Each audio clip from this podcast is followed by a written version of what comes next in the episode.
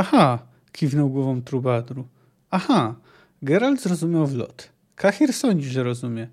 Ja w oczywisty sposób wymagam oświecenia, ale najpierw rozkazuje mi się milczeć, potem słyszę, że nie ma potrzeby, bym rozumiał. Dziękuję.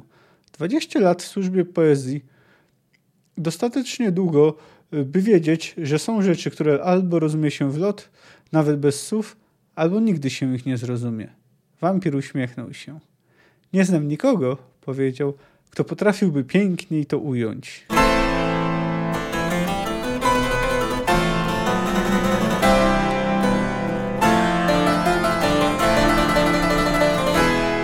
Cześć, jestem Kamil K., a ty słuchasz mojego podcastu Fantastyka Krok po Kroku. Analizuję w nim rozdział po rozdziale lub opowiadanie po opowiadaniu wybrane książki fantastyczne. Zapraszam.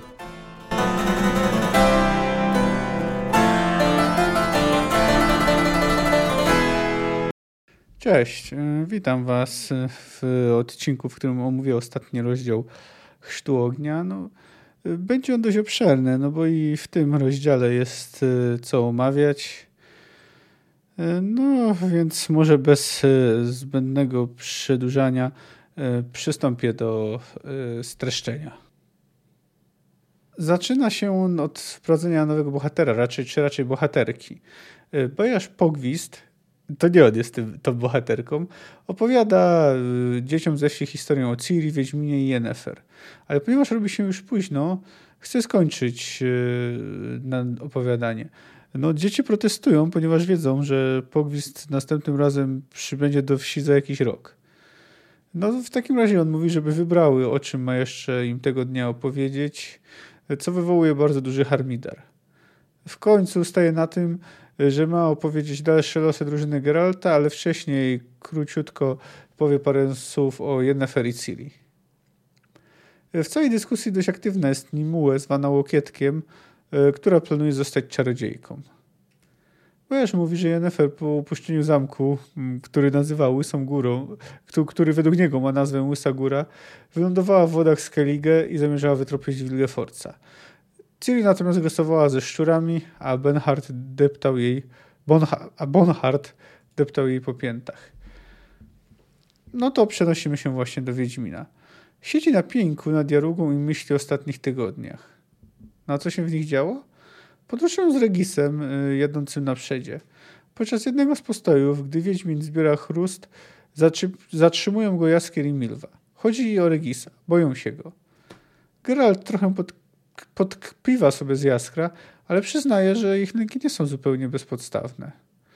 Ale z drugiej strony, no, Regis im pomaga i w ogóle postępuje prawo. No, tutaj na przykład y, uratował y, tą dziewczynę, y, pod którą chciał spalić kapłan. Y, no i zrobił to wszystko, chociaż jest tak zwanym wyższym wampirem, który może być niezwykle niebezpieczny. Y, Geralt pokrótce charakteryzuje jego zdolności. Oprócz tego, że jest niewrażliwy na ogień, może uroczyć ludzi, a także zamienić się w nietoperza.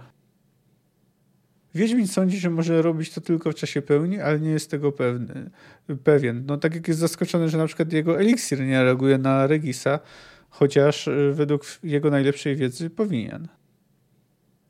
Później, gdy jadą, y, Jacek zaczepia Regisa, pytając się go, czy napiłby się krwi. Wampir odpowiada, że on nie pije w ogóle ale nie chcę rozwijać tematu, bo to sprawa osobista. No jednak y, do niego szyb, dość szybko wróci, ponieważ y, w całej drużynie pozostały niedomówienia. Y, gdy Regi, więc Regis postanawia opowiedzieć im o sobie więcej. Chociaż tutaj Geralt, Kahir i Milwa deklarują, że są staromodni i nikt nie oczekuje tego od niego tego, że będzie opowiadał, on mówi, że chce się z nimi tym podzielić powtarza, że w ogóle nie pije krwi. Y, dodaje, że, gdzieś, że jest tak od czasu, gdy stała się dla niego bardzo poważnym problemem. Opisuje swoje życie jako młodego wampira. Y, wynika z tego, że picie krwi i to na dużą skalę jest y, wśród właśnie wampirzej młodzieży tradycją. W zasadzie no, można uznać, że zastępuje im on alkohol. No, on pił więcej i więcej, zapominając się, towarzysze niekiedy korzystali z okazji, by zabawić się jego kosztem. Na chwilę przestał, gdy poznał pewną wampirkę. ale ona odeszła od niego, no a on potem zaczął pić w dwójnasób. No i zaczął robić rzeczy, których y, nie robi żaden wampir. Na przykład zaczął latać po pijanemu, a pewnego dnia chybił dziewczynę y, i walnął z tego w studnie. Chłopi ale go nie zabili, tylko no, tak jak on mówi, nie wiedzieli, jak się do tego zabrać. Odrąbali mu głowę, polali go wodą święconą i przebili osikowym kołkiem. No, regenerował się około pół wieku i od tego czasu postanowił więcej nie pić. Następnie Regis kieruje rozmowę na lęki ludzi. Według niego wampiry często są po prostu projekcjami ludzkich lęków. I rozprawia się z kilkoma mitami, jakie krążą wśród nich na temat wampirów. No na przykład y, podejmuje tą kwestię, że gdyby y, każdy ukąszony stał się wampirem, no to byłoby ich naprawdę dużo. Mówi też o tym, że wampir to y, według ludzi niby człowiek, który nie do końca umarł. Zwraca tutaj uwagę na zabobonność ludzi. No, tak samo stwierdza też, że mitem jest, że słońce popieli wampiry. No tutaj wspomina, że to jest trochę związane z ewolucją, jaką przeszedł ten gatunek, ta rasa. Na koniec została sobie seksualność. Uważa, że wampiry projektują na wampiry swoje pragnienia dotyczące seksu, zwłaszcza seksu oralnego. Milwa kwituje to tym, że nawet gdy się mądrze zaczyna, to i tak e, zawsze kończy się na dupach. No podróżują dalej, natrafiają na ślady woj wojny. Trupy, niektóre zabite w boju, a inne już po walce. Słyszą też pracujących drowali. Geralt y, w pewnym momencie rozmawia z Regisem w cztery oczy i pyta się go, czy jest inna droga do Kaet Du. Wampir odpowiada, że tak, przez bagna Izgit. Geralt zna te tereny. Nie jest to najbezpieczniejsza okolica, ale w sumie preferuje ją od wojny. Ze względu na prośbę Wiedźmina nie dzielą się swoimi planami z resztą kompanii. W pewnym momencie Milwa wyczuwa dym. Geralt postanawia sprawdzić, skąd się bierze i kto go rozpalił, aby wiedzieć, kogo ma za plecami. Ale okazuje się, że to znajomi. Yy, słyszy, jak krasnoludy grają z gwinta, a jego wszelkie wątpliwości rozwiewa yy, przyklejący ptak. Są prawie wszystkie krasnoludy, oprócz Kaleba Stratona, którego zabili Nilfgaardczycy. Są też z nimi dwie kobiety. Jedną z nich jest ta dziewczyna, którą chciał spalić kapłan. Krasnoludy odwiązały ją od wozu, chociaż została nieco poparzona. No, jak to mówi Zoltan, y, przeszła chrzest y, ognia. Regi zajmuje się jej ranami, ale mm, jeśli chodzi o jej stan psychiczny, no to mówi o klątwie albo fatum. No i że tu nie może na to nic poradzić. Ale następnie właśnie ta dziewczyna przyjmowała im rozmowę, która zapada w hipnotyczny trans i wygłasza proroctwo. Jest ono nie do końca zrozumiałe, chociaż pewne jego elementy, a może nawet wszystkie się sprawdzą. W każdym razie generalnie wróży sporo śmierci. Y, po następnej połowie dnia podróży Zoltan mówi Wiedźminowi, że czas się rozstać, bo oni mają zamiar przeczekać wojnę w Mahakamie. Krasnolud wręcza Wiedźminowi swój sihil i wyznaje, że te kufry, y, z którymi wiążą takie nadzieje, pochodzą z grabieży. E, ponieważ napadli Havekara pod Dillingen. Ale Geralt nie waha się przed uściśnięciem jego dłoni. E, spotykają jakąś grupę chłopów, e, którzy zostali wyzwaleni od Nilfgaardczyków. Jaskier ich wypytuje o więcej szczegółów, a ich odpowiedzi są niezkładne. Udaje się od nich wyciągnąć, że dowodzi nimi Biała Królowa, której służą jako goryle. I potem chłop rysuje znak, jakim posługuje się piechota, co Jaskier ze zdziwieniem identyfikuje jako Rifski Raut. No, Raut to powiedzmy taki diament. W końcu Geralt domyśla się, że tu nie chodziło o goryli, a o gerylasów. No, czyli partyzantów. To jest termin pochodzący z języka hiszpańskiego. No to już wniosek jest prosty. Na tych terenach działa rifska i leryjska partyzantka. Przy okazji Geralt przyznaje, że jego imię wzięło się stąd, że po prostu y, wylosowała mu się taka nazwa, ponieważ a taki dodatek jakby y, wzbudza zaufanie klientów. Na moment przenosimy się znowu trochę w przód w czasie, bo Geralt siedzi nad Jarówą. Myśli, że jakieś ważne zdarzenie miało miejsce tego dnia rano. Chodzi o Milwę. Podczas jednego z biwaków odciągnęła wampira i głośno z nim rozmawiała. Po tej rozmowie Regis zaczął ważyć zioła, a potem wezwał do siebie resztę grupy. Informuje ich, że Milwa jest w ciąży y, w dziesiątym tygodniu. Z tego co mówi, zażądała od niego, żeby sporządził dla niej środek, który usunie ciążę, ale Regis wcześniej chce z innymi członkami, porozmawiać z innymi członkami grupy. Kahir zwraca uwagę, że to nie jest tak, że nawet po tej aborcji będzie w stanie od razu wsiąść na konia. Na koniec rozmowa staje na tym, że Geralt porozmawia z Milwą. Milwa przyznaje mu, że wiedziała, że jest w ciąży, gdy zdecydował się z nim jechać. Opowiadała też, jak do niej doszło. O, eskortowała resztki komanda, ale musieli przenocować na Bagdad. No i stało się, ponieważ najpierw same elfy się tym zajęły, no a ona najpierw y, niepewna, a potem chętna, no przyłączyła się. Geralt y, domyśla się, że to dlatego z nim pojechała, że z jej perspektywy to jest jakby spłata długu, że y, jakby pozbywając się dziecka, które jest u niej w brzuchu, w pewnym sposób zaciągnie dług, który chce spłacić e, ratując Siri. Ale on mówi jej, że są takie długi, które są niespłacalne, których nie da się e, w żaden sposób rozliczyć. I przepraszam za to, że nie ustanie jej pomóc. Ale Milwa stwierdza, że jej pomógł. I faktycznie następnego dnia jest wesoła, a Regis e, wyrzuca buteleczkę ze środkiem w krzaki. Na jednym z postojów Geralt odciąga Regisa, i mówi mi, że nie pojadą przez Esgit. Wampir zwraca mu uwagę, że po pierwsze y, Milwa nie, nie jest chora, a poza tym yy, wścieknie się, jeśli dowie się, że to z jej względu zmieniają trasę. No i na takim się śpieszy. No ale Geralt y, upiera się przy swoim, jako alternatywę proponuje podróżowanie przez drugi brzeg Jarugi. I że stamtąd przepłyną do Kaedu, w najgorszym razie we dwóch, bo w końcu wampir może, y, może latać. Chociaż tylko w czasie pełni, jak mówi Regis, no ale do pełni jest niedaleko. W końcu znajdują prom, znajdują też przewoźnika, choć próbuje się ten on przed nimi ukryć. Jest raczej niechętny, żeby im pomóc, ale zmuszają go do tego. Regis domyśla się, że trudni się y, przemytem. Nagle na drugim brzegu rzeki pojawiają się konni. Początkowo biorą ich za Nilfgaardczyków. Y, przewoźnik i opomocnik przycinają liny, y, którymi prom był przymocowany, choć Jaskier mówi im, żeby tego nie robili, bo widzi godło Lyrii. Jest już za późno. Jaskier wydziera się do Lyrijczyków, a na statek leci grad strzał. W pewnym momencie Wiedźmin odbija mieczem dwa strzały, mówiąc, że po raz pierwszy w życiu mu się udało odbić dwie. Uciekają, odpychając się niekiedy z brzegu tyczkami, wszyscy, tykami, wszyscy po nie sięgają. Na prawym brzegu rzeki pojawiają się Nilgardczycy. E, wyszczana strzała trafia Regisa. Milwa, roześlona, zaczyna wściekle szyć z łuku. E, no i trafia naprawdę wielu, w tym jednego z dowódców. No ale okazuje się, że Regisowi nic nie jest. Jedna strzała nie wystarczy, by e, zabić wyższego wampira.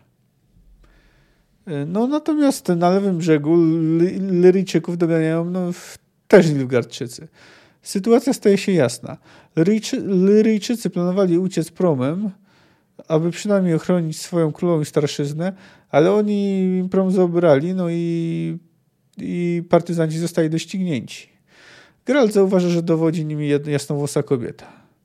W okolicach Czerwonej Bindugi znajduje się most. Na tym moście są już y, partyzanci, naokoło toczy się walka. E, gdy prom zbliża się do mostu, liczą, że nikt ich nie zauważy, ale niestety dla nich gerylasi mierzą do nich z kurz. Jaskier wydziela, żeby nie strzelali, że oni nie są Nilfgaardczykami, tylko jakby są, y, że to na, nasi, że oni jakby i Lyryjczycy to jed, jakby jedna grupa. Ale oni go nie słyszą albo go nie słuchają. Y, pierwsza salwa zabija przewodnika i prawie, a po ścianą stoją prawie wszystkie konie, z których niektóre wyskakują e, za burtę. Za drugim razem okrzyk działa. Gdy wyskakują z łodzi, Milwa zaczyna ronić. Regis się nią zajmuje.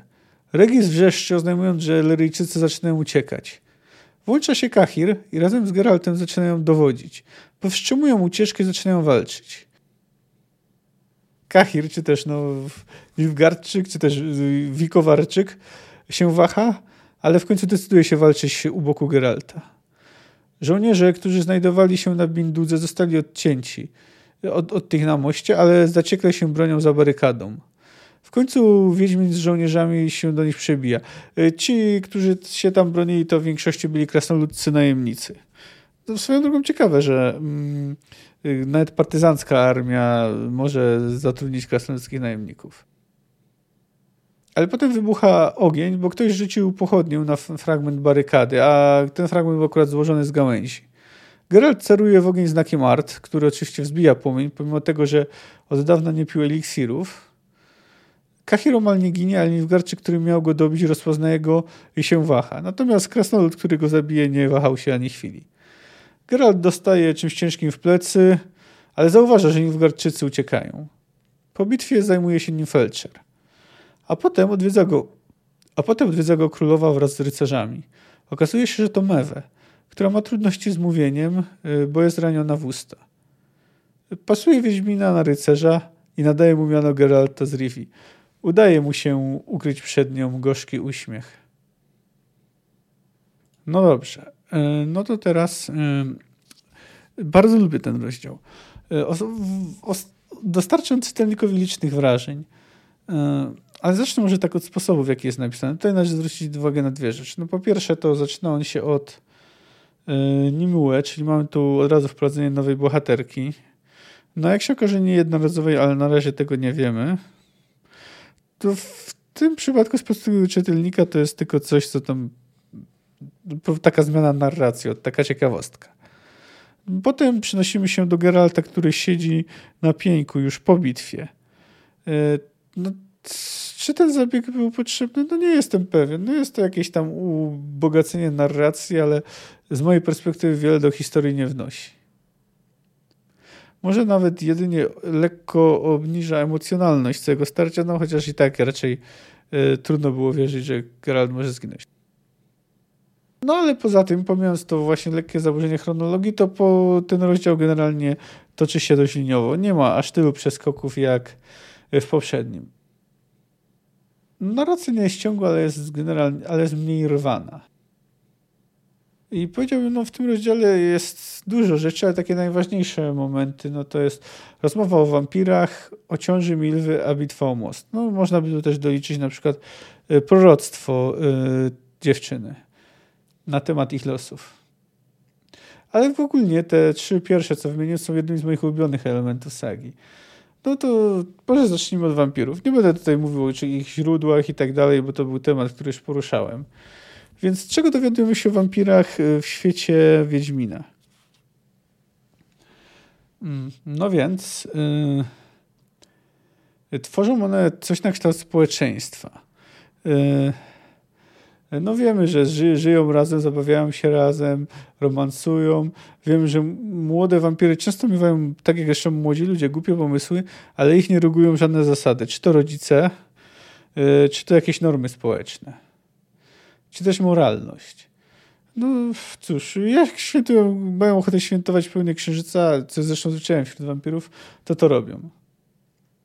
Wiemy też, że wampiry nas związują relacje emocjonalne. Y, można przyjąć, że istnieją pomiędzy jakieś relacje erotyczne i uprawiają seks. Y, no, Regis opowiada właśnie o tym, jak poznał pewną wampirkę. Y, nie będę tu wchodził w szczegóły anatomiczne, bo nie znamy anatomii wampirów. Możemy przyjąć, że nie jest nie do końca taka jak ludzka. No nie do końca dowiaduję się też, jak można tego wampira, takiego wampira, wyższego wampira zabić. No, wiemy, że srebro generalnie jest zabójcze dla wampirów, więc być może dla Regisa też by zadziałało. No, w każdym razie wiemy na pewno, że czosnek i woda święcona nie pomogą. Ciekawa sprawa jest rozmnażanie wampirów. No, Regis oczywiście obala tu mit o tym, że każdy ukończony przez wampira zamienia się w wampira. No, wskazując, że arytmetycznie no, byłoby to nierealne. No ale ale nie dowiadują się, w jaki sposób się rozmnażają. A jakiś proces rozmnażania zachodzi, bo Regis mówi, że na Ziemi pozostało jakieś tysię- po koniunkcji sfer y, pozostało jakieś 1200 wampirów wyższych. Y, koniunkcja miała miejsce 1500 lat wstecz około, no a Regis ma lat znacznie mniej, więc musiał się jakby pojawić już na tym świecie. Ale no w jakiś sposób to nie, nie wiem, czy na przykład czy wampirki zachodzą w ciąży? to nie jest to wyjaśnione. Regis wspomina też o ewolucji, adaptacji. Generalnie chodzi o to, że ponieważ ludzie mają zwyczaj żyć w warunkach solarnych, słonecznych, no to zwłaszcza gdy żyli przy ogniskach i ciemność była w ogóle nieujarzmiona, no to dlatego widzieli w niej ciągle potwory. A dzień miał te potwory przeganiać, przepędzać. Ale z co mówi Regis, wynika, że kiedyś wampiry faktycznie żyły w nocy, no ale musiały się do ludzi dostosować. Generalnie ta rozmowa jest dość ciekawa i dobrze napisana. E, no nie będę jej cytował e, w całości, bo byłaby to e, gruba przesada. No i tutaj może teraz poświęcę kilka słów interpretacji wywodowi Regisa na temat tego, dlaczego ludzie przypisują wampirom różne nieprawdziwe cechy. No, zaczyna żywieniem się krwi. E, uważam, że ludzie podświadomie odczuwają do niej odrazę. Dlatego w niektórych środowiskach miesięczkowane kobiety są używane za, za nieczyste. No tu albo niektórzy mdleją na widok krwi. Tu warto wspomnieć wtrącenie Gahira o tym, że na widok krwi mdleje się chyba tylko wśród nordlingów, a kobiety zamyka, a miesięczkujące kobiety y, odseparowuje od reszty społeczności chyba tylko wśród dziki. Geralt zwraca uwagę, że ten lęk wcale nie jest irracjonalny, bo to w sumie z punktu widzenia ludzi niewiele zmienia, czy yy, wampir traktuje ludzi jako ofiary, pożywienie, czy też po prostu jako źródło mm, rozrywki. No tu też wspominał o tym, że no niektórzy nazywają ich martwiakami i że to wynika z tego strachu przed zwłokami, że z jednej strony ludzie czczą, czczą zmarłych, ale wyobrażają sobie ich to zmartwychwstanie Y, właśnie jedynie ciała, nie duszy. To, to tutaj niezbyt z, drwina z chrześcijaństwa, chociaż tak to lekka kmina trzeba dodać. No, o nocnym trybie życia y, już generalnie mówiłem, że on wiąże ten przesąd z czasami, gdy ludzie po prostu prowadzili nomadyczny tryb życia i żyli wśród y, i żyli przy ogniskach. No i mamy ten jeszcze jeden mit, w którym rozprawia się wampir. Doty dotyczy on seksualności. W tym przypadku oddam mu głos. Owszem, kiwnął głową wampir. Jeszcze jeden. Ostatni, ale zgoła nie najmniej ważny. Jest to mit, który podyktowały wam wasze fobie seksualne. Kahir parsknął z cicha. Mit zostawiłem na koniec. Regis zmierzył go wzrokiem i sam taktownie nie napomykałbym o nim, to Geralt wyzwał mnie, nie oszczędzę go wam zatem. Ludzie najsilniej, ludźmi najsilniej powodują lęki o podłożu seksualnym. Dziwica umdlewająca w uścisku ssącego ją wampira, młodzieniaszek wydany na pastwę wstrętnych praktyk wampirki, błodzącej ustami po jego ciele. Tak to sobie wyobrażacie. Gwałt oralny – Wampir paraliżuje ofiarę strachem i zmusza ją do seksu oralnego, czy raczej obrzydliwej parodii seksu oralnego. A taki seks, wykluczający wszak prokreację, jest czymś wstrętnym. Mów za siebie, mruknął Wiedźmin. Akt ukoronowany nie prokreacją, ale rozkoszą i śmiercią, kontynuował Regis. Uczyniliście z tego złowrogi mit. Sami poświadomie marzycie o czymś takim, ale zdragacie się, by coś takiego dać partnerowi lub partnerce. Robi to więc za was ów mitologiczny wampir, urastając przez to do, do fascynującego symbolu zła. A nie mówiłam? Wrzasnęła Midwa, gdy tylko Jaskry skończył jej objaśniać, o co szło Regisowi. Nic jeno o tym. Mądrze zaczynają, a zawsze na dupie kończą. No, powiedz to trochę celną puentę, w końcu kawał sztuki obraca się mniej lub bardziej wokół seksualności, a, jak, a szerzej też relacji damsko-męskich.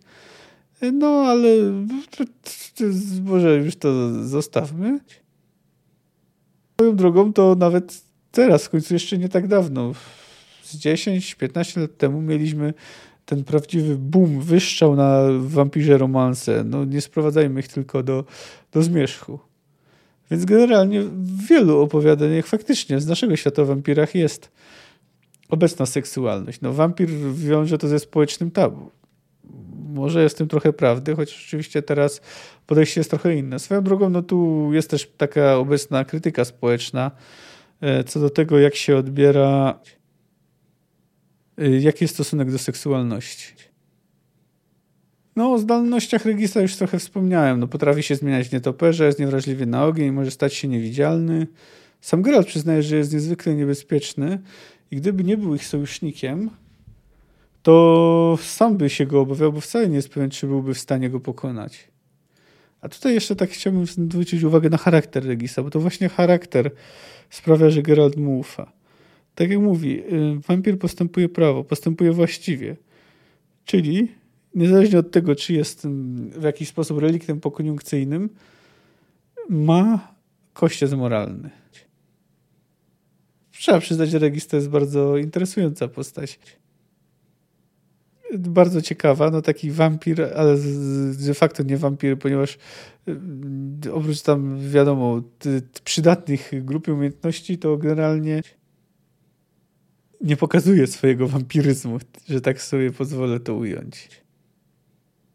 No dobrze, teraz przejdziemy do być może najważniejszego wydarzenia rozdziału, czyli do ciąży Milwy i jak ta kwestia jest rozwiązana.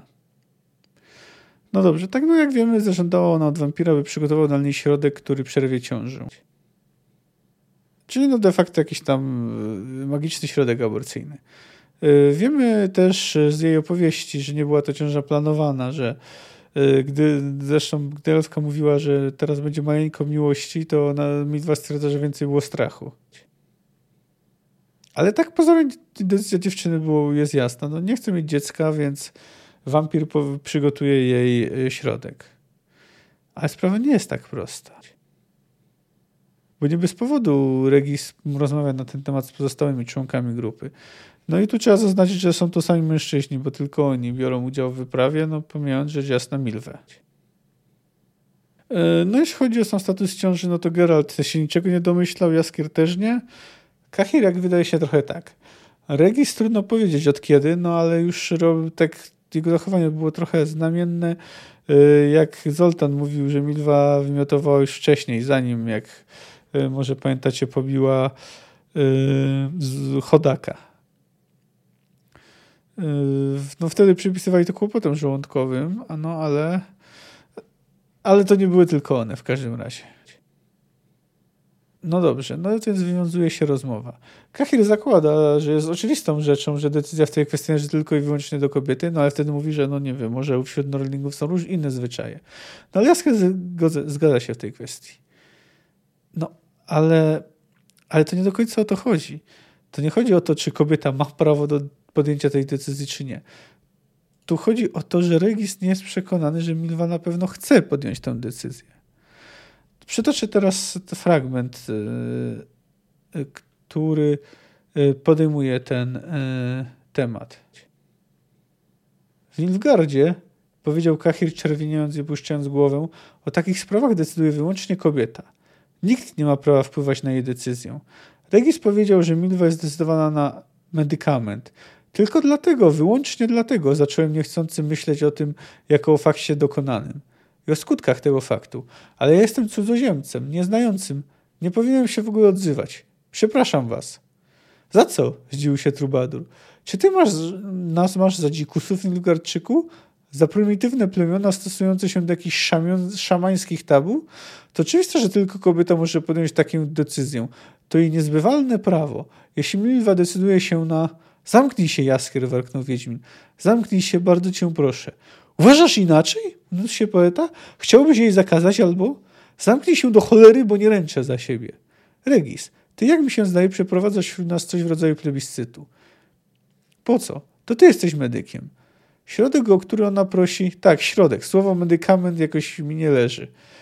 No to jest taka ciekawostka, że Regis, że Geraltowi nie pasuje nazwa, nazwanie lekiem y, tego środka aborcyjnego. Tego właśnie woli go nazwać środkiem. Tylko ty możesz y, jej ten środek przyrządzić i dać. I zrobisz to, gdy poprosi ponownie. Nie odmówisz. Środek już przyrządziłem. Regis pokazał wszystkim maleńką buteleczkę z ciemnego szkła. Jeśli poprosi ponownie, nie odmówię. Jeśli poprosi ponownie, o co więc chodzi? O naszą jednomyślność? O powszechną akceptację? Tego oczekujesz. Dobrze wiesz o co chodzi, rzekł wampir. Doskonale czujesz, co należy zrobić. Ale ponieważ pytasz, odpowiem. Tak, Geralt, o to właśnie chodzi. Tak, to właśnie należy zrobić. Nie, To nie ja tego oczekuję. No i tu właśnie leży pies pogrzebany. To nie wampir y, jakby chce decydować za Milwę. Chce, by udzielili mu zgody na danie jej tego środka. To ona oczekuje, potrzebuje wyrażenia przez nich zdania, bo, bo sama wcale nie jest pewna swojej decyzji. To ona chce, żeby jej, żeby została ona jakby zaakceptowana przez pozostałych mężczyzn. No, Geralt wie, co trzeba zrobić, porozmawiać z nią. Ale czuję, że tego, tego się nie nadaje, nie nadaje. No, ale wydaje się, że z obecnych tylko on mógłby to zrobić. No to teraz jeszcze ten króciutki fragment właśnie te, tej rozmowy dotyczący. Czy możesz mówić jaśniej? Nie jaskier, odrzekł wampir. Jaśniej już nie mogę. Tym bardziej, że nie ma potrzeby. Prawda, Geralt? Prawda.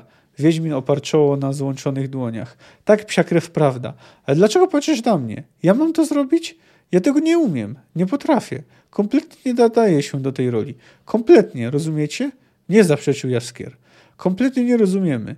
Kahir? Czy ty rozumiesz? Nilfgaardczyk spojrzał na Regisa, potem na Geralta. Chyba tak, powiedział wolno. Tak sądzę. Aha, kiwnął głową Trubadur. Aha, Geralt zrozumiał w lot. Kahir sądzi, że rozumie. Ja w oczywisty sposób wymagam oświecenia, ale najpierw rozkazuje mi się milczeć, potem słyszę, że nie ma potrzeby, bym zrozumiał. Bym rozumiał. Dziękuję. Dwadzieścia lat w służbie poezji dostatecznie długo, by wiedzieć, że są rzeczy, które albo rozumie się w lot, nawet bez słów, albo nigdy się ich nie zrozumie. Wampir uśmiechnął się. Nie znam nikogo, powiedział, kto potrafiłby piękniej to ująć.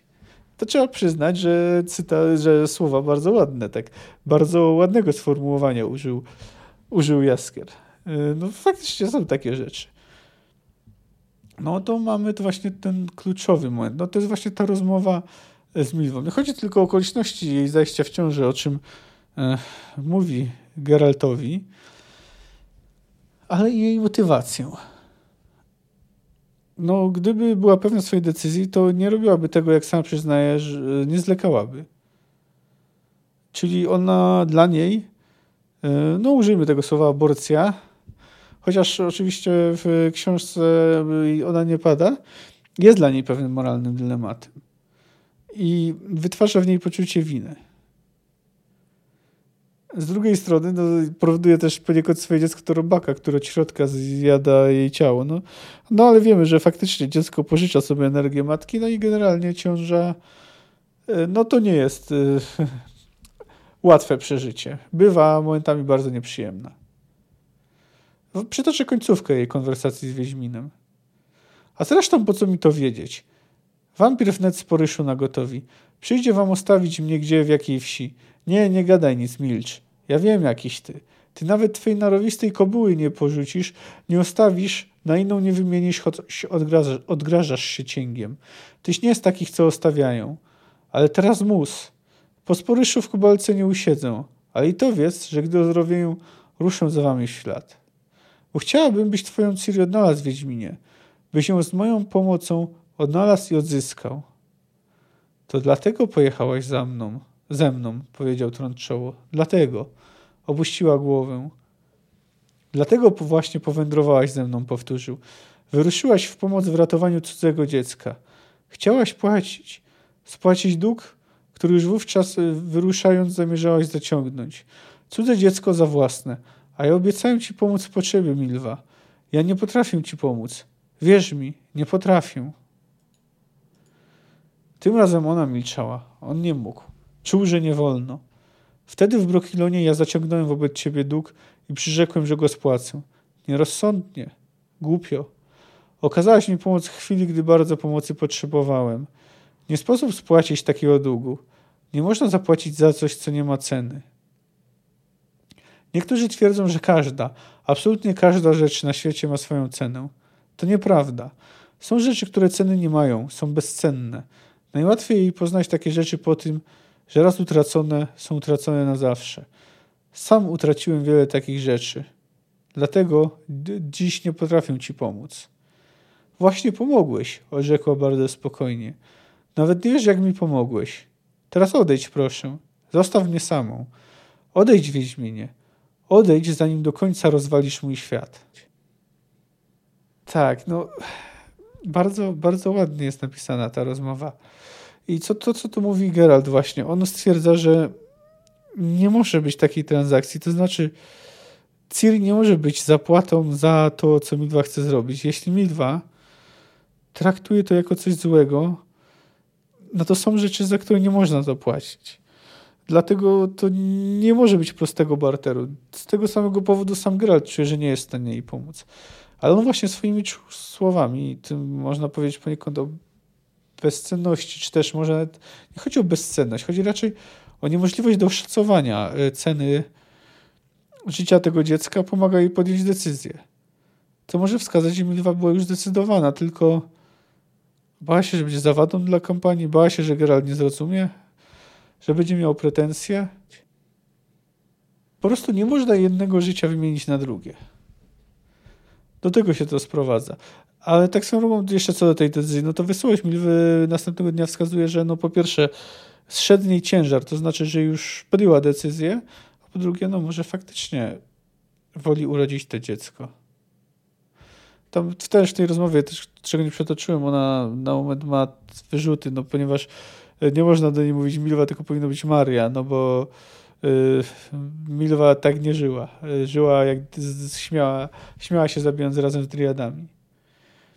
Ale tak swoją drogą, to jestem trochę rozczarowany, jak został zamknięty wątek ciąży Milwy. To znaczy, no bo jakby nie patrzeć, jej problem nie zniknął. Y, teraz jeszcze mogła im towarzyszyć, no ale nie ma się co oszukiwać. Jeśli jest w ciąży, no to w pewnym momencie tak czy owak musiałaby się zatrzymać w jakiejś wsi no, trudno sobie wyobrażać, by ktoś na przykład w zaawansowanej ciąży kobiety ciągnął na taką niebezpieczną wyprawę. No więc nadal pozostałoby jej ten dylemat, czy usunąć ciążę, czy nie. Jakby nie patrzeć, ona wciąż chciała pomóc Ciri. No i tutaj, no ale Sapkowski trochę powiedziałbym, że wybrał taką łatwą drogę ucieczki. Po prostu pozbawił tego dylematu. Milwa poroniła. Jest to niewątpliwie tragedia, no wiemy, że kobiety, które poroniły często popadają w depresję i e, bardzo długo zajmuje im powrót do równowagi. No ale jakby nie patrzeć, e, no to to jest tragedia od niej niezależna. Ponieważ no jak chodzi o to, czy usunąć, dziec- usunąć ciążę, czy nie, no to to, jak, to jest jej decyzja.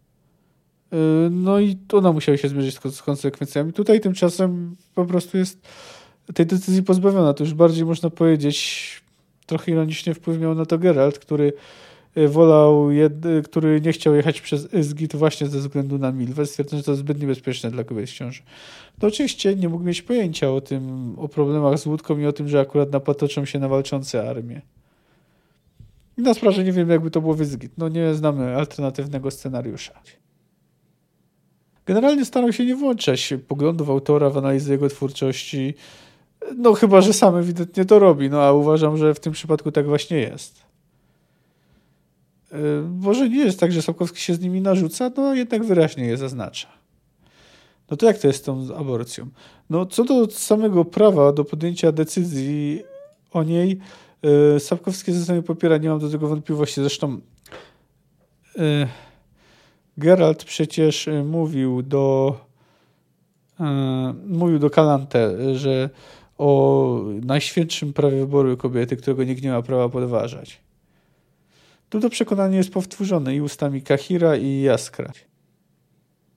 Ale z drugiej strony trochę mam wrażenie, że aborcja nie jest traktowana do końca jako neutralna moralnie, jako po prostu kolejny zabieg, jak to się czasami porównuje, podobny do e, usunięcia zęba na przykład. No gdyby tak było, to niepotrzebna byłaby ta cała dyskusja i te rozważania.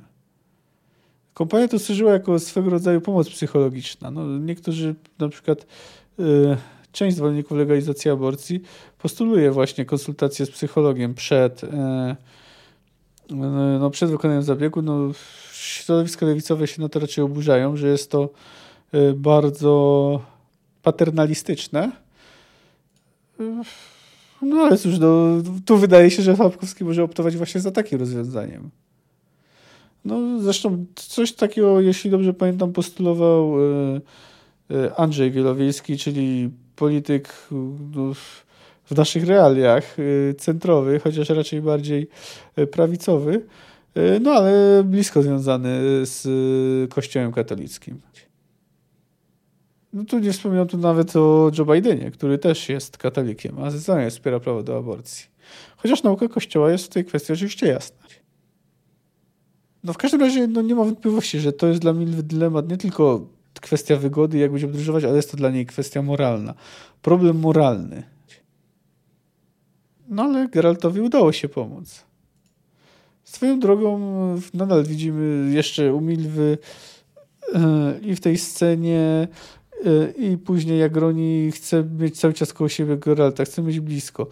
Trudno powiedzieć, czy to już jest przejście do fazy przyjaźni, czy po prostu jeszcze wciąż czuje się nim lekko zauroczona. No w każdym razie na szczęście tak czy owak ten wątek nie został pociągnięty dalej. Teraz czas na bitwę o most. No jest to jeden z moich ulubionych e, momentów sagi. E, po pierwsze jest to jakiś pierwszy opis takiej większej patycz, potyczki na kartach powieści, chociaż trzeba dodać, że to nie była wielka bitwa, ponieważ historia o niej milczała. No ale e, jakby nie patrzeć, miało to zdarzenie spore znaczenie polityczne. E, w końcu, gdyby nie to, że Geralt pomógł ratować królową Mef, no to Lyria by nie miała królowej, nie wiadomo, co dalej by się działo. No więc y, tak y, Geralt troszkę wpłynął na losy wojny. A to pasowanie na rycerza to jest jeden z takich najbardziej charakterystycznych momentów sagi. Taka wylewająca się z niego gorzka ironia że najpierw Geralt sobie wylosował to imię, a teraz zostało mu ono nadane z wszelkimi honorami. No ale i scena batalistyczna jest całkiem dobrze napisana, dynamiczna. Bardzo mi się podoba moment, gdy Geralt Kahir, a także przez moment pomaga im Jaskier, wrzeszcząc głośno, yy, mobilizując żołnierzy. Chociaż no oczywiście żadnego z nich ta wojna nie interesuje. No a Kahir jest zmuszony walczyć naprzeciwko swoich całkiem niedawnych e, towarzyszy. I stało się tak, że jeden Wiedźmin jeden sprzymierzony z nim Nilfgaardczyk ryknęli, dzieko, ryknęli dziko, zamunkowali mieczami i skoczyli bez zastanowienia. Dwaj towarzysze, dwaj druchowie i kompanii na spotkanie wspólnych wrogów, na nierówny bój. I to był ich chrzest ognia. Chrzest wspólnej walki, wściekłości, szaleństwa i śmierci – Silna śmierć. Oni, dwaj towarzysze. Tak myśleli. Nie mogli przecież wiedzieć, że nie umrą tego dnia na tym właśnie moście przerzuconym nad rzeką Jarugą. Nie wiedzieli, że przeznaczona jest im obu inna śmierć. W innym miejscu i w innym czasie. No, bardzo ładny cytat i też takiego braterstwa broni między Wiedźminem i Kahirem. O Zoltanie jeszcze wspomnę, no ale tutaj dość jednoznacznie w tekście jest zaznaczone, że Sihil, jaki otrzymał od niego Wiedźmin, bardzo pomógł Geraltowi. Być może uratował mu życie, ponieważ yy, nim nie trzeba poprawiać cięć. No tutaj jest jeszcze oczywiście taka rzecz, oczywiście Wiedźmin nie był przyzwyczajony do walki w takim tłoku i takiej walki, że to jest dla niego coś nowego. Ale poniekąd ratował go status dowódcy, nawet jeśli był dowódcą mimo woli. No i na końcu dosłownie przyszedł przez yy, ogień, czyli miał ten swój chrzest ognia. Zresztą ten motyw chrztu ognia tu powtarza się wiele razy. Na przykład chrzest ognia przeżyła też dziewczyna. Oczywiście tu chrzest ognia jest i często literalny, i oczywiście metaforyczny, czyli przejście przez trudności, aby osiągnąć swój cel. No dobrze, a teraz jeszcze wróćmy do tego pasowania Geralta na rycerza. Wstańcie, panie, szepnął do Geralta jeden ze stojących obok rycerzy. I złóżcie hołd, to królowa. Wiedźmin wstał i ukłonił się, pokonując ból w krzyżach. Tyw obronił moft? Słucham? Kobieta odjęła chusteczkę od ust, splunęła krwią. Kilka czerwonych kropelek osiadło na ornamentowanym napierśniku. Jej wysokość Mef, królowa Lyry i Rivi, powiedział stojący obok kobiety rycerz w fioletowym płaszczu zdobionym złotymi haftami. Zapytuje, czy to wy bohatersko dowodziliście obroną mostu na Jarudze? Jakoś tak wyszło. Wyfło! Królowa usiłowała się zaśmiać, ale nie bardzo jej się udało. Wykrzywiła się, zakleła brzydko, aż niewyraźnie splunęła znowu. Zanim zdążyła zasłonić usta, zobaczył paskudną ranę. Zauważył brak kilku zębów. Złowiła jego spojrzenie. A tak, powiedziała za chusteczki, patrząc mu w oczy. Jaki wkurwyfyn walnął mnie prosto w gębę. Królowa Myf oznajmił z emfazą ten w fioletowym płaszczu. Biła się w pierwszej linii, jak mąż, jak rycerz, stojąc przeciw przeważającym siłom Nilfgardu. Ta rana boli, ale nie szpeci, a wy uratowaliście i ją, i nasz korpus. Gdy jacyś zdrajcy opanowali i porwali prom, ten most był dla nas jedynym ratunkiem. A wyście go bohatersko bronili. Obronili. Tutaj tak swoją drogą znowu mamy taką ironię, że y, ci zdrajcy, co y, ukradli prom i ci bohaterowie, co y, obronili most, to są właśnie ci sami. Dość zabawne. No inna sprawa, że ten most prom mógłby ich wcale, mógł, nie musiałby ich uratować, tylko poprowadziłby ich prosto w łapy Nilfgaardczyków, co wskazuje Jaskier. Dobrze, ale kontynuujmy. Pfeftań Odo, jak się nazywa bohatefe? Ja? No pewnie, że wy. Ry, rycerz świat tak spojrzał na niego groźnie. Co z wami? Ranniście, kontuzjowani, w głowę was rażoną? Nie. Odpowiadajcie tedy, gdy królowa pyta. Widzicie wszak, że zraniona w usta, że trudno jej mówić. Pfeftań Odo. Fioletowy skłonił się, po czym spojrzał na Geralta. Wasze imię? A niech tam pomyślał. Dosyć mam już tego wszystkiego. Nie będę łgał. Geralt. Geralt skąd? Znikąd. Niepafowany? Mewę ponownie ozdobiła piasek pod stopami czerwonym rozbryzgiem śliny zmieszanej z krwią. Słucham? Nie, nie, niepasowany, wasza królewska wysokość. Mew wyciągnęła miecz. Klęknij. Usłuchał, nadal nie mogąc uwierzyć w to, co się dzieje. Nadal myśląc o Midwie i o drodze, którą wybrał dla niej, lękając się czas, trzęsawisk Izgif. Królowa odwróciła się do fioletowego. Ty powie formułę. Ja nie mam fębów. Za bezprzykładne męstwo w boju, za słuszną sprawę, wyrecytował z emfazą fioletowy, za dany dowód cnoty, honoru i wierności koronie, ja, Mew, z łaski boskiej królowa Lyry i Rivi, mocą moją, prawem i przywilejem pasuję cię na rycerza. Służ wiernie, znieś to uderzenie niejednego bolej. Geralt poczuł na ramieniu uderzenie klingi. Spojrzał w jasnozielone oczy królowej. Mew splunęła gęstą czerwienią, przyłożyła chusteczkę do twarzy, mrugnęła do niego z nad koronek. Fioletowy podszedł do monarchini i szeptał. Wiedźmin usłyszał słowa predykat, rifskie rauty, sztandar i cześć. Susnie, skinęła głową Mew. Mówiła coraz wyraźniej, poknując ból, wpychała język w szczerbę po wybitych zębach. Trzymałeś most wespół z wojakami z Rivi, mężny Geralcie znikąd. Tak ci wyfło, haha. Na mnie wyfło nadać ci na to predykat. Geralt z Rivi, haha. Skłońcie się, panie rycerzu, syknął fioletowy. Pasowany rycerz Geralt z Rivi skłonił się głęboko. Tak by królowa Mef, jego suzerenka, nie dostrzegła uśmiechu. Gorzkiego uśmiechu, nad którym nie potrafił zapanować. No, muszę przyznać, że piękna jest ta scena. Oczywiście w pewien sposób jest też smutna, ale piękna i ironiczna. Poniekąd oczywiście Geralt to zasłużył na pasowanie. W końcu często zachowuje się, w końcu śpiesząc na ratunek Ciri zachowuje się jak rycerz, nie jak Wiedźmin. Można powiedzieć, że zachowuje się bardziej rycersko niż większość rycerzy.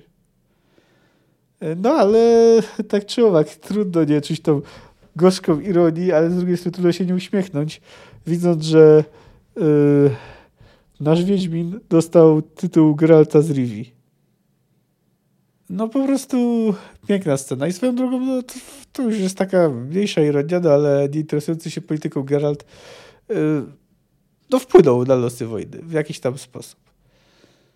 No i jeszcze zwróciłbym uwagę na taki drobiazg. W tym niezdecydowanym fragmencie pada zdanie, że włosy Mewe są siwe. No, wiemy, że jest w dojrzałym wieku, ale nie jest staruszką, a poza tym nic takiego nie było wcześniej wspomniane, czyli można to przypisać stresowi. No, królowa było, nie było, po pierwsze cały czas ma zagrożone życie, e, no i żyje w dość trudnych warunkach. No dobrze, obiecywałem, że wrócę do Zoltana i nastąpił na to czas. On wciąż podróżuje z kompanią, choć e, został uszczuplony około Stratona, ale nadal pomaga innym. No i w sumie to wyznanie o napadzie na Hawekara niewiele, zmienia, niewiele zmienia. No oczywiście nie był to czyn godny pochwały, ale trudno nie zwrócić uwagi na to, że Hawekarze to ludzie o fatalnej opinii. Więc no oczywiście nie twierdzę tutaj, że okradanie złodzieja to nie kradzież, no, natomiast myślę, że można, że Zoltan prawdopodobnie zrobi z tego majątku lepszy użytek niż zrobiłby Hawekar, bardziej moralny, więcej dobrego z tego wyniknie. Zresztą gra najwyraźniej się ze mną zgadza. Przytoczę ten cytat i ich pożegnanie. Trzeba się rozstać, oświadczył krótko. Myśmy, Geralt, podjęli decyzję. Na północy nie bierzczy się już Mahakam, ta zaś dolina wprost w góry wiedzie.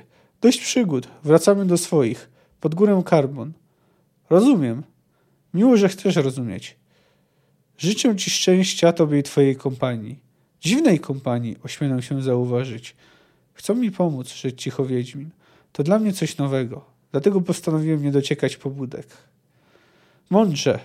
Zoltan ściągnął z pleców swój krasnoludzki sichil w pochwie yy, z omotanej kocimi skórkami.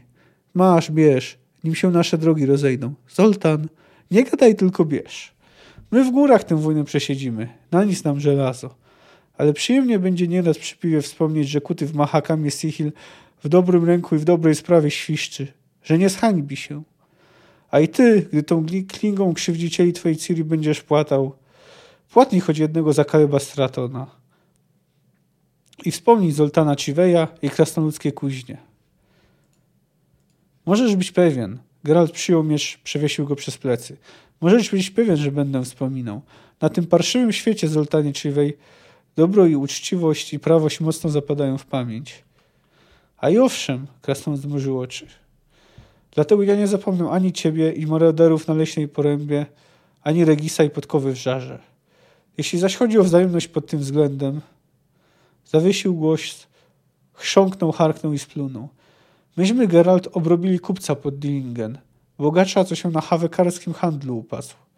Gdy załadował złoto i klejnoty na wóz i z miasta uciekał, zasadziliśmy się na niego. Jako lew majątku bronił, pomocy wzywał, więc razy kilka obuszkiem w czerep wziął i potem już spokojny był i cichutki. Pamiętasz kuferki, któreśmy taszczyli na wozie wieźli, a na koniec nad rzeczką o w ziemi zaryli?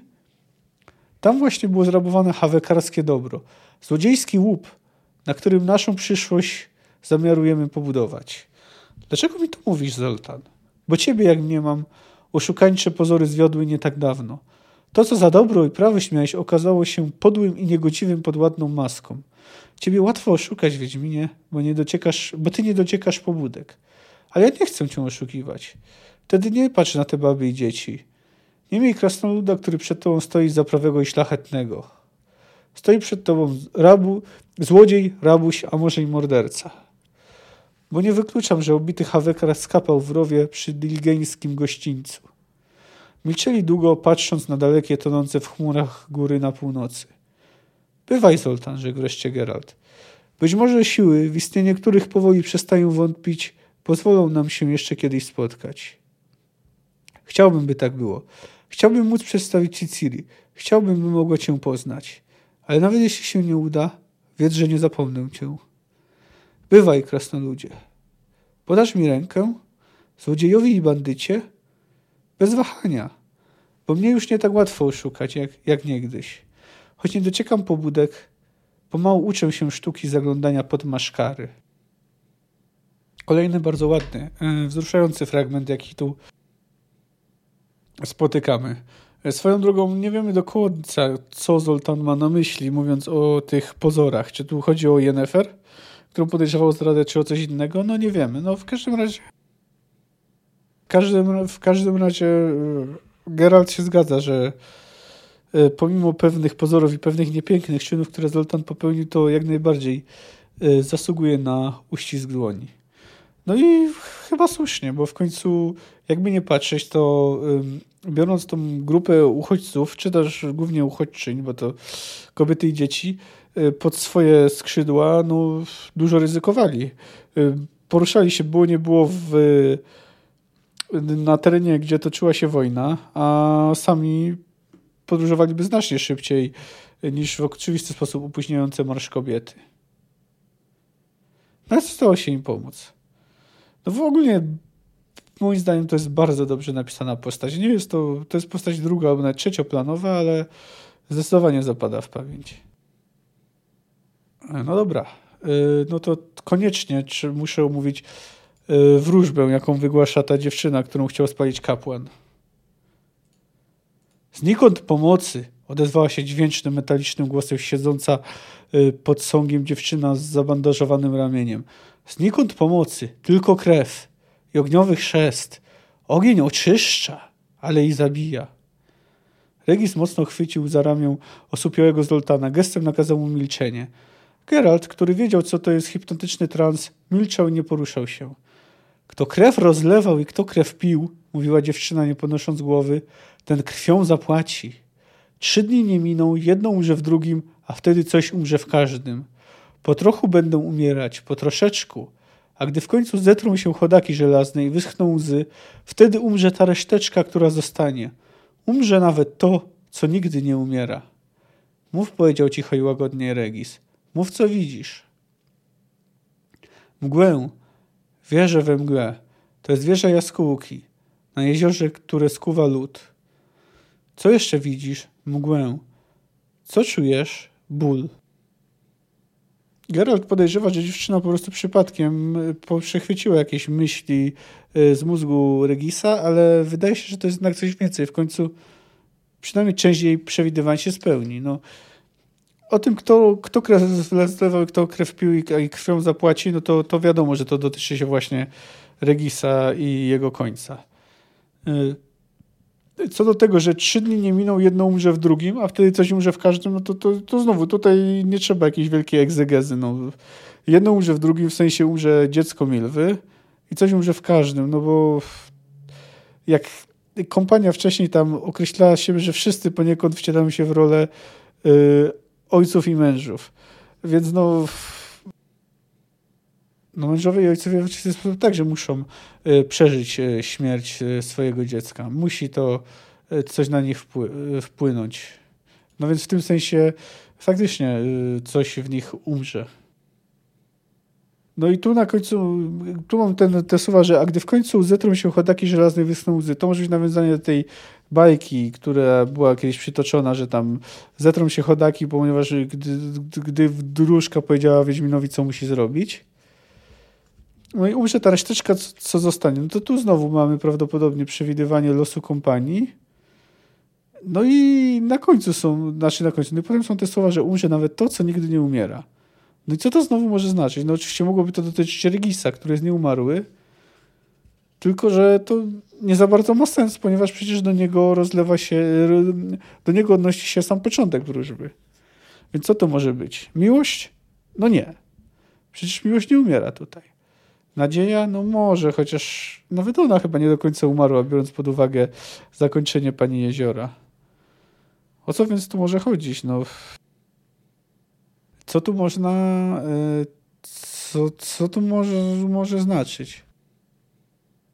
Może to być, może chodzić na przykład o starszą krew. Bo oczywiście Ciri nie umiera de facto, ale decydując się na końcu na przeniesienie się do innego świata, y, no to w pewien sposób y, y, opuściła ten świat. Więc w pewnym, w pewnym sensie w tym świecie, w którym aktualnie przebywają, starsza krew umrze. No, nie można też zapominać, że po prostu ten fragment może być brednią. No, nie byłoby to jakieś tam zaskakujące w końcu i wiemy bardzo dobrze, że nie wszystkie przepowiednie muszą się u Sapkowskiego sprawdzać. No, ten metaliczny głos może sugerować, że na chwilę dziewczynę dopadło to samo, ta sama istota, która przejęła kontrolę nad Ciri, gdy ta mówiła różne rzeczy do Tris. To może być na przykład chaos. No ale o co by tu chodziło, żeby manipulować Geraltem? No może. W każdym razie no, nie jest to jasne. No jak chodzi o wieże jaskółki, jezioro skute lodem, no to i mgłę, no to, to y, będziemy omawiać Ciri na lodzie. No dobrze, no to tak już się powoli zbliżamy do końca, ale jeszcze nie kończymy, no bo coś o Nimue warto wspomnieć. No na razie w sumie niewiele można mi powiedzieć. Wiemy, że jest niska że się interesuje historią Ge y, Geralta i no ale nią interesują się wszystkie wiejskie dzieci. Wiem też, że jest bardzo niska, bo nazywają ją łokietkiem. No i planuje zostać czarodziejką. No oczywiście jej imię, a później będzie tych analogii jeszcze więcej, jest dość oczywistym nawiązaniem do legend arturiańskich. W trochę większym zakresie to omówię to no, ujmę to tak. Omówię, gdy przyjdzie na to pora. Na tym moment to mogłoby być nawet tylko jej obecność, tylko mrugnięcie okiem dla czytelnika, jednorazowa obecność, ale tak nie będzie. To z takich jeszcze ciekawostek, no to dowiedzieliśmy się, dlaczego Geralt nazywa się jak nazywa, no, przez przypadek. Dowiedzieliśmy się, dlaczego też Geralt i twój, Regis i Kahir noszą takie długie imiona, że to wiążą się z ich tradycjami. No i jeszcze taka ciekawostka. Najwyraźniej eliksiry wpływają też na zdolność rzucania znaków, bo tu, gdy podczas bitwy Geralt rzuca znak to nie spodziewał się dużo, ponieważ od, od paru tygodni nie pił eliksirów. Czyli najwyraźniej eliksiry wpływają, nazwijmy na to, na zdolności magiczne yy, Wiedźminów. No ale, no dobrze, no nie można jeszcze pominąć cytatu, który otwiera rozdział. No jest to cytat encyklopedyczny. Itlina, właściwie Itlina Aegli, córka Ewenien, legendarna elfia uzdrowicielka, astrolożka i wróżbitka, słynąca z wierzb, wróżb i proroctw, z których najsłynniejszą jest Aen Itlinespaw, przepowiednia Itliny, wielokrotnie spisywana i w mnogich formach wydawana. Przepowiednia w różnych okresach wielką się cieszyła popularnością, a komentarze, klucze i wyjaśnienia do niej dołączane dostosowywały tekst do bieżących wydarzeń, co wzmacniało przekonanie o wielkim i tylnym jasnowictwie.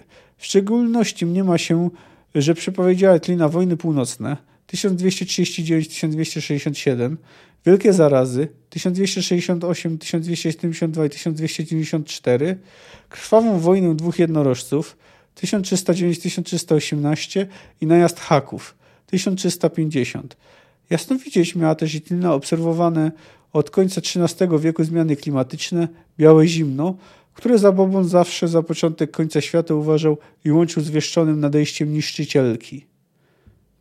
Tenże pasus z przepowiedni Tliny dał asumpt do niesławnych polowań na czarownicę 1272-76 i przyczynił się do śmierci wielu niewiast i dziewcząt nieszczęsnych za inkarnację niszczycielki uważanych. Dziś Tlina uważana jest przez licznych badaczy za postać legendarną, a proroctwa za całkiem współcześnie sfabrykowany apokryf i przebiegłe litereckie szalbierstwo. I Fenberg i Talbot. Encyklopedia Maxima Mundi, tom 10. To wiemy, że raczej Tina nie była zupełnie legendarną postacią. Przynajmniej y, w jej prawdziwość i prawdziwość jej proroctw nie wątpią ani Ida, ani Francesca, a one raczej są tutaj najlepiej poinformowanymi. No mamy tutaj taki króciutki wgląd w przeszłość. No, być może wojna dwóch jednorożców to jest jakaś wojna domowa w Kedwen. No natomiast haków to już w ogóle trudno co powiedzieć, powiedzieć na tym etapie. No, być może ktoś, jacyś przybysze z morza. No w każdym razie y, mamy, no, mamy tu też objęłem zimnie, czyli jak wiemy, widzimy tutaj klimat będzie się oziemiał. Ale ten temat akurat zostanie poruszony. No i przy okazji dowiadujemy się też, że doszło do polowań na czarownicę. No dobrze, tak wydaje mi się, że większość rzeczy omówiłem. Mniej lub bardziej szczegółowo, ale mam nadzieję, że wystarczająco. No to tak króciutko o grach. Nie zrobiłem tego w ostatnim odcinku, ale powiedzmy, że o loży jeszcze będę miał okazję powiedzieć, więc co się odwlecze, to nie uciecze. Natomiast tutaj chcę zaznaczyć jedną rzecz. Chodzi mi o bitwę o most. Otóż y, ta bitwa była już, y, y, jest przedstawiona w grze Thronebreaker, którą tu kilka razy wspominałem i którą generalnie polecam. Nawet jak ktoś nie lubi Gwinta, to można się przy niej dobrze bawić, zwłaszcza, że można w ogóle pominąć część kar karcianą. No i tam na przykład jest właśnie przedstawione w miarę zgodnie z książką e, przebieg tej bitwy. No, a jak ktoś tam nie chce bardzo tego oglądać, to polecam przynajmniej wyszukać sobie na, na YouTubie e, tą scenę. To jest naprawdę fajna. E, bardzo mi się, bardzo mi się podoba. Nawet jeśli autorzy pozwolili sobie na pewne odstępstwa, bo y, Mewe jest chyba trochę młodsza niż powinna być. I, I z tego co pamiętam, nie ma siwych włosów, chociaż ma jasne. No, ale to są powiedzmy. Ogólnie została przedstawiona MEW jako taka trochę bardziej wojowniczka. Oczywiście tutaj walczy, ale chyba bardziej była tak z natury intrygantką, albo może nie intrygantką, polityczką byłoby tutaj lepszym słowem. No, w, w każdym razie tak czy owak warto to sprawdzić, bo akurat ta scena mi się bardzo podobała. W ogóle nawiązań do książek jest w Thronebreakerze bardzo dużo. Szkoda, że się ta gra nie sprzedała, zwłaszcza, że z tego co wiem, to CD Projekt, gdyby się udało, planował zrobić jeszcze kilka takich gier, z czego jedna miała na przykład dotyczyć losowi Orweta. No ale nie powstały, no trudno. E, no ten rozdział zamykający chrzest do ognia jest naprawdę bardzo dobry. I na poziomie tam tych dużych wydarzeń, na poziomie takich drobiazgów, jak dotyczących imiona Geralta i tak dalej. No a jak chodzi o pasowanie Geralta na rycerza, czy tą dyskusję na temat aborcji, no to to są rzeczy, które pamięta się zdecydowanie długo. Tak jak i na to pożegnanie Geralta i Zoltana. To nie będę tutaj stwierdzał, czy to najlepsze rozdział, jaki dotychczas y, przeczytałem, czy nie, ale swoją drogą to byłby ciekawy ranking, ale to jeśli już, to już raczej na koniec, y, gdy omówię y, wszystkie, no, wszystkie książki, ale powiedziałbym, że na pewno zaliczymy go do ścisłej czołówki. Ogólnie świetne zakończenie bardzo dobrej książki. No na dziś to wszystko. Możecie mnie śledzić lub skontaktować się ze mną na Instagramie i Twitterze. Jestem tam jako Fantastyka krok po kroku. A jak ktoś preferuje drogę mailową, no to może pisać maila na, na adres kamil.fantastyka.gmail.com y, No podcast możecie znaleźć na Spotify, Apple Podcast, YouTube, SoundCloudzie, y, Stitcherze i jeszcze y, o Deezerze na przykład też, jeszcze w paru innych miejscach. No, za tydzień oczywiście będzie podsumowanie chrztu ognia, a następnie no, zaczniemy wieżę jaskółki. Cześć!